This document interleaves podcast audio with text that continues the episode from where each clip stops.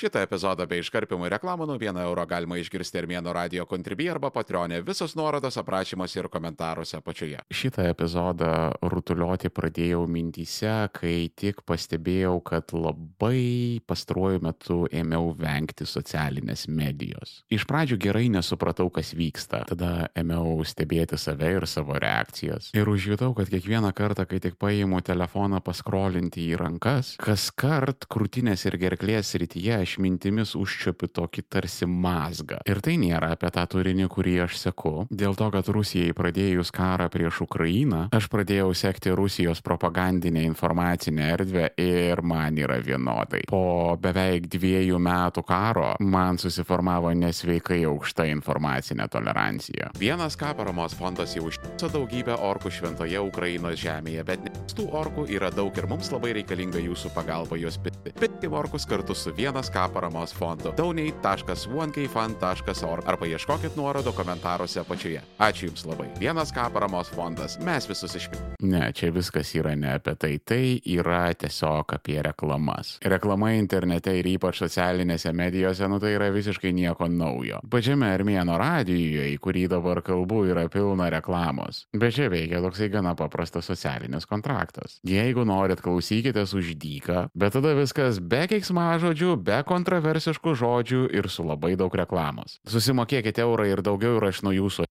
Patinka kiksmažodžiai? Prenumeruok Armėnas Plus tik už 1 eurą į mėnesį Armėno radio kontribį arba Patreonė ir klausyk epizodų be reklamų ir iškarpimo visus nuorodas aprašymuose ir komentaruose apačioje. Nežinau kaip jums, bet man tai panašu į pakankamai sąžiningą informacinio reketo schemą. Bet Hebra, Yra reklama ir yra reklama. Aš jau kitas iki pradedu pastebėti, kad skrolinant du iš trijų postų gali būti reklama. Taip nėra buvę net pačiais baisiausiais OneLT laikais. Pastaruoju metu atsidarai Instagramą ir turi pusę valandos skrolinti, kad prasibrautum pro sponsort postų iki savo sekamo kontento. Ir agent, pačioje reklamoje aš nieko blogo nematau, nes, nu, tai yra tiesiog, nu, veiklos modelis. Aš šiek tiek paprekiauju savo auditorijos dėmesiu tam, kad jai galėčiau pasiūlyti nemokamą turinį turinio. Ir aš atėjau rantinti ne apie tai, nes reklamos yra, buvo ir bus. Aš čia atėjau užsitaškyti ant visiškai ahui selinimo kultūros internete. Dabar influenceriai visiškai baimę pametė, jie savo auditoriją skuta tiesiog iki kaulo. Iš vienos pusės užmėto reklamom, kurių nei filtruoja, nei žiūri, nei domisi, kas yra reklamdavėjai, geras ar blogas tai produktas. Atėjo vadybininkas, atnešė tau dėžutę su produkcija, tenai įsidėjo briefą, kurį tu paskaitėjai, reklamą greitai įrašiai, promo kodą prastumiai ir viso gero geros dienos. Ir žinokit, tiems žmonėms yra nuoširdžiai po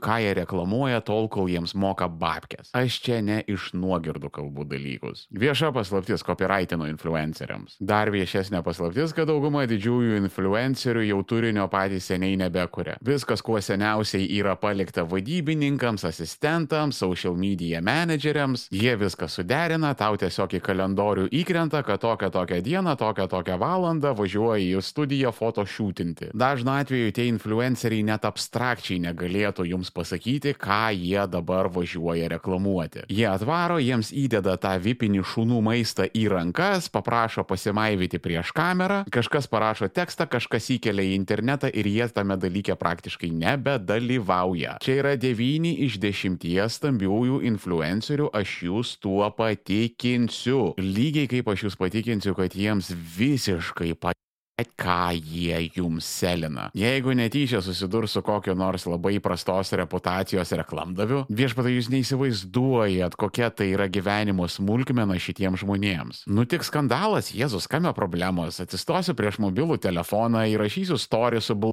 atsiprašymu, atsisakysiu reklamdaviu ir viskas kaltė išpirkta. Tik dėmesio, ar tu sugražinsi atgal tau sumokėtus pinigus už reklamą? Vat būtent, kad ne. Tame ir yra daugumos influencerių veiklos modelis semi, kol gali, pagautas už rankos sufeikinį nuo širdų atsiprašymą ir tai tu kartoji, kol nenusiperki kotežo palangoje, nes palangoje nekilnojamą turtą perka trijų tipų žmonės - influenceriai, korumpuoti klaipėdos politikai ir 90-ųjų verslininkai, kuriems neironiškai patinka Žilvino žvagulio muzika. Bet amoralūs influenceriai yra tik tai viena problemos dalis, nes kada jie susiš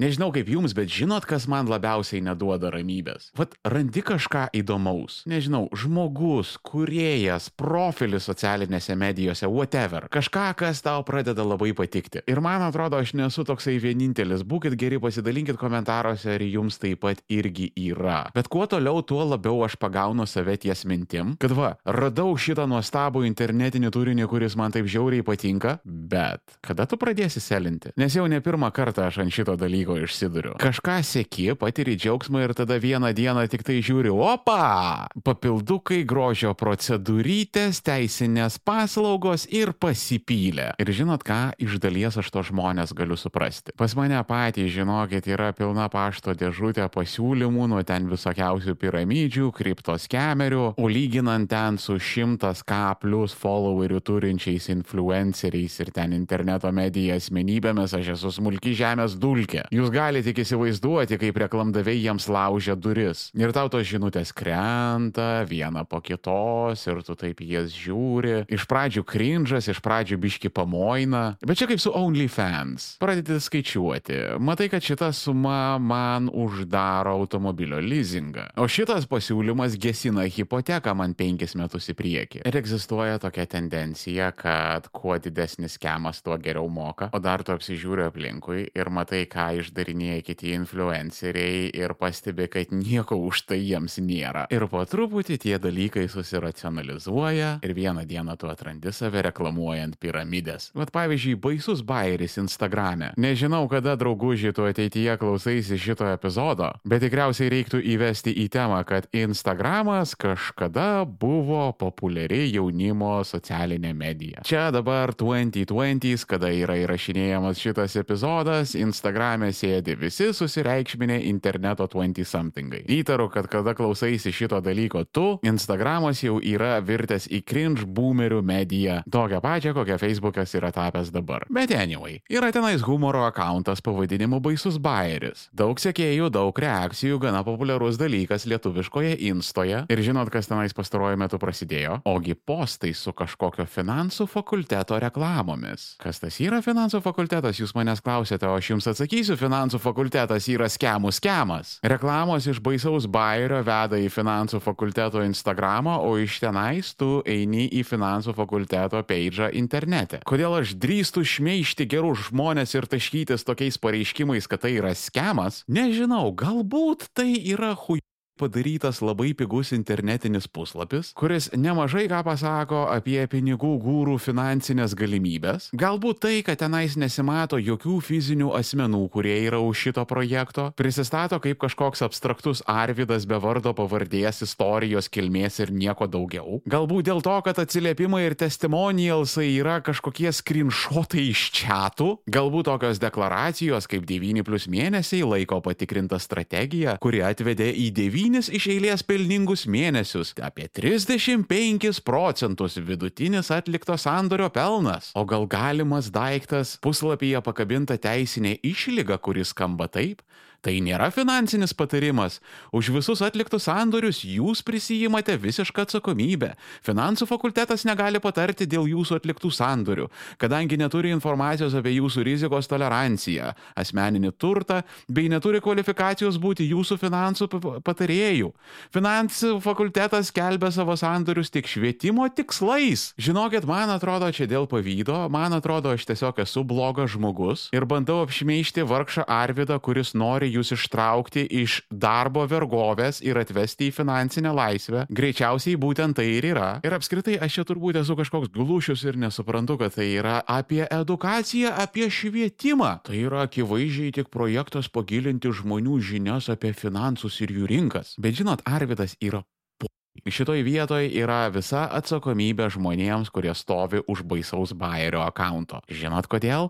Dėl to, kad jie išjungia komentarus ant visų finansų fakultetų reklamų. Ir jeigu tu išjungiai komentarus, vadinasi, tu juos gavai. Ir jie buvo labai konstruktyvūs ir tau labai patiko, kad tu turėjai juos išjungti. Ir jeigu tu tai padarėjai, tai draugužiai, draugužė ar draugužiai, whatever, kiek jūsų ten yra už šito grupso, savo veiksmais jūs parodėte, kad jūs žinote, ką jūs darot. Jūs žinote, kad jūs savo auditorijai selinate fufelį. Ir dar toliau nueisiu. Jums yra poi. Visiškai totaliai ir kuo giliausiai po ar kažkas nuo to nukentės. Šitą jūs parodėt maksimaliai aiškiai. Čia šoviau rantą apie finansinius skemus, apie tai, kaip žmonės yra nepasirengę juos atpažinti, kas yra esminės raudonos vėliavos, kurias dauguma pražiopso ir šiek tiek pasakojimų iš mano finansų konsultanto praeities. Bet jau kuris laikas mane Gen Z kilina, kad armėnai per ilgi tavo epizodai neišlaikom koncentracijos, todėl viską sudėjau į Armėnas Pro. Armėnas Pro - pilnos trukmės epizodai be reklamų. Užsisakyk planą Armėno radio kontribuciją Steepy arba Patreonė tik 4 eurai 99 į mėnesį. Visus nuorodos aprašymuose ir komentaruose apačioje. Ir kalba eina ne tik tai apie finansinius instrumentus, ar piramidės, ar kriptoskemus. Nes šitie dalykai yra visur, visur, kur pasisuksi, ten tu tai atrasi. Tiesiog susiformavusi ištisa skemo industrija. Jis kaip vėžys metastazėmis yra nuėjusi per pasaulinę ekonomiką. Tie visi vienadieniai gūrų, tos Znait kokio veiksmingumo grožio procedūros, tie maisto papildai iš banalios kreidos ir cukraus, tos garsių žmonių produktų linijos, kur ant pigaus fufelio užklijuoja žinomą mordą ir pardavinėja už keturis kart didesnę kainą. Jokios prasmės neturintis elektronikos prietaisai, kuriuos perka tik tai dėl to, kad juos gerai išreklamavo. Sąrašas eina ir eina ir eina. Kad ir ką tu bepirktum, kad ir ko tu beieškotum, ant kiekvieno kampo stovi skemeris. Ir esmė ne apie patį skemerį, skemers gona skemeris jam. Didžiausi mano galva kaltininkai yra tie, kurie jiems suteikia platformas. Ir aš šią didžiąją dalį epizodų su šūdais maišau influencerius, bet Dievas mato, ne vienintelį jie su šituo yra susitepę rankas. Ar žinot vaikučiai, kaip veikia PR sektorius? Jam dabar visokių politkorektiškų pavadinimų yra sugalvota ryšių su visuomenė arba tiesiog viešųjų ryšių agentūros. Bet žinot, ant ko šita ekonominė veikla yra pastatyta? Ant buvusių žurnalistų, kurie prie prekiauja savo kontaktais. Jep.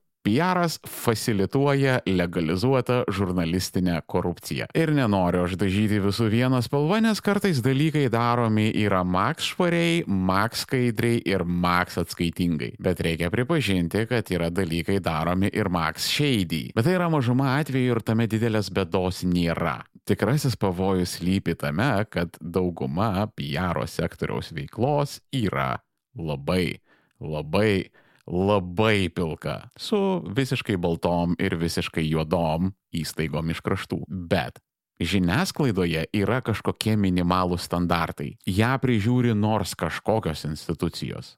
Huawei kartais tragikomiškai, bet tai bent jau yra. Naujoji medija yra Somalis. Jūs galvojate, Instagramo čiešintojai yra blogai? Jūs nueikite tik toką pasidaryti, jūs Jėlinsit, ką tenais reklamuoja. Ten žmonės yra į actual sektas verbuojami. O apie tai, ką kartais gali pardavinėti telegrame, aš nenoriu, net mane demonetizuos ir išmes iš visų platformų, jeigu nors abstrakčiai paminėsiu, kas vyksta telegrame su selinimu. Kai kurių dalykų, kuriuos pamatai telegrame, net matysi niekada gyvenime. Tave tai persekios iki mirties patolo, kaip Agnė Širinskinas ir Kazimieros Prunskienės steipas. Ir vėlgi, aš visiškai realiaitinu su influenceriu influenceriais. Dėl to, kad aš esu labai silpnas žmogus. Turiu tai pripažinti, nes taip yra. Aš esu degeneratas ir padugnė. Aš pasiduodu žemiausiams kūniškiams instinktams. Aš liebautojas ir hedonistas, kuriam lengva nusirauti ir paskui sunku sustoti. Todėl aš suprantu, aš suprantu, kaip gali žingsnis po žingsnio atsirasti tas imk pinigus ir bėk mentalitetas. Nu nes jie yra ir tau jos moka ir kas svarbiausia,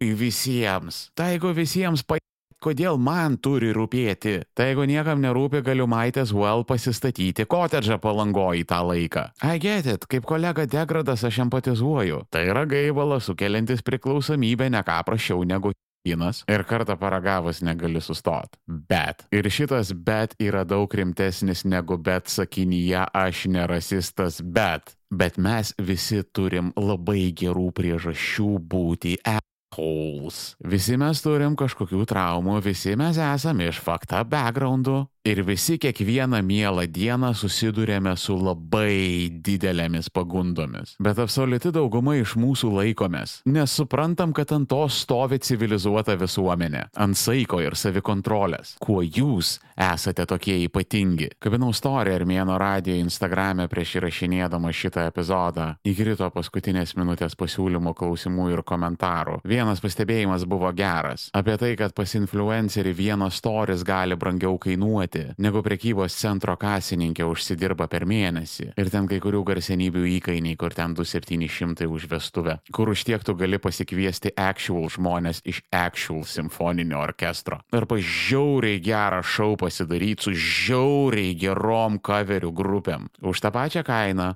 už kurią vienas celebritis jums į mikrofoną papasakos anegdotų. Ir žinot, ką atskleisiu paslapti, jie patys supranta, kad visa tai yra bus. Jie patys atsistebėti negali, kaip tai vyksta. Jie kiekvieną kartą prasitrina akis, kai įkrenta pinigai į sąskaitą. Ir jiems patiems neįtikėtina, už ką jiems moka pinigus. Bet tuo pat metu jie to nestabdo. Jie tam nesipriešina. Ir čia tas atsiranda durniau, duoda imk mušą bėg. Tai ką aš atsakysiu taip. Kada tu turi auditoriją, pas tave atsiranda tam tikra atsakomybė. Dėl to, kad tave žmonės įsileidžia į savo galvas. Tu ten esi svečiuose ir tu turi elgtis kaip svečiuose. Gerbti tą erdvę, į kurią tave įsileido. Nelipti ant baldų būdinais batais. Ir todėl man pasiūlė nėra pasiteisinimas. Nes žinot, ką šaldytų koldūnų gamintojai gali pasiūlyti pašvinkusios mėsos. Seniai, pirk papigiai. Nieko nebus, išmirkysi kalio per manganatę, prasuksi faršą, dar dadėsi prieskonių, viskas bus gerai. Todėl reklamuoti bet ką yra lygiai taip pat blogai, kaip gaminti ir pardavinėti maistą iš sugedusių produktų. Ir jeigu negana, kad jūs išdavinėjat savo auditorijos pasitikėjimą su tokiais dalykais, jeigu per maža to, kad jūs darote socialiai priimtiną labai nesažiningą ir patologišką elgesį, tai jūs, ble mums kainuosit laisvą internetą. Vat vieną dieną jūs su tais visais skemo pardavinėjimais prisišokinėsite iki to, kad jūs būsite reguliuojami. Nes gyvenimas veikia pagal tokį maksimaliai suprantamą principą. Arba tu save kontroliuoji, arba tai kažkas padarys už tave. Pirmąją 20-ojo amžiaus pusę buvo kolektyvizmo amžius. Tas kolektyvizmas taip išbujojo, kad jisai mums davė pirmojo ir antrojo pasaulinio karo baisumus. Ir nesvarbu, koks tas kolektyvizmas buvo, ar komunistinis, fašistinis, nacionalistinis, visur jisai davė demoniškus rezultatus. Dabar mes gyvenam hiperindividualizmo amžiuje, kada man kas aplinkui vyksta. Aš esu pats svarbiausias žmogus gyvenime, o aplinkiniai man yra tiek pat svarbus, kiek aš iš jų galiu gauti naudos. Skemo industrija yra signalas apie sergančią visuomenę, kuri toleruoja išdavystės komercializavimą. Ir nežinau kaip jūs, bet aš nenoriu tokioje visuomenėje gyventi. Tokioje, kurioje tu niekuo negali pasitikėti, kad tavęs neparduotų daugiausiai mokančiam. Vieną dieną aš svajoju atsibusti Lietuvoje, kurioje principai bus svarbesni už pajamas. Per savo gyvenimą esu matęs daug labai pozityvių pokyčių mūsų šalyje. Ir tikiuosi, kad vieną dieną tai irgi išsispręs, bet šiandien dabar apsidairant aplink tą optimizmą dievažį kaip sunku išlaikyti. Jeigu jau judame nulinio optimizmo tema, tai ateinančiame epizode norėsiu pakalbėti apie tai, ką ateities mokslininkai greičiausiai vadins didžiąją rezignaciją. Kodėl tu nori išeiti iš darbo? Kita kartą per Armėno radiją. Jeigu nenori laukti ištisos savaitės epizodas, jau guli Armėno radio kontribį arba Patreonė prenumeruok Armėnas Pro ir klausyk visų epizodų iš anksto viso labo 4,99 į mėnesį. Visos nuorodos aprašymuose ir komentaruose apačioje. Kur dar internete būna Armėnas? Ieškokit manęs link 3 lešas Armėnas, viskas vienoje vietoje arba žiūrėkit aprašymuose ir komentaruose apačioje. Jeigu esate tikri Armėno kentai, laikinat, šėrinat, komentuojat, subscribinat ir rekomenduojat visiems. Šiandien tiek. Iki kito.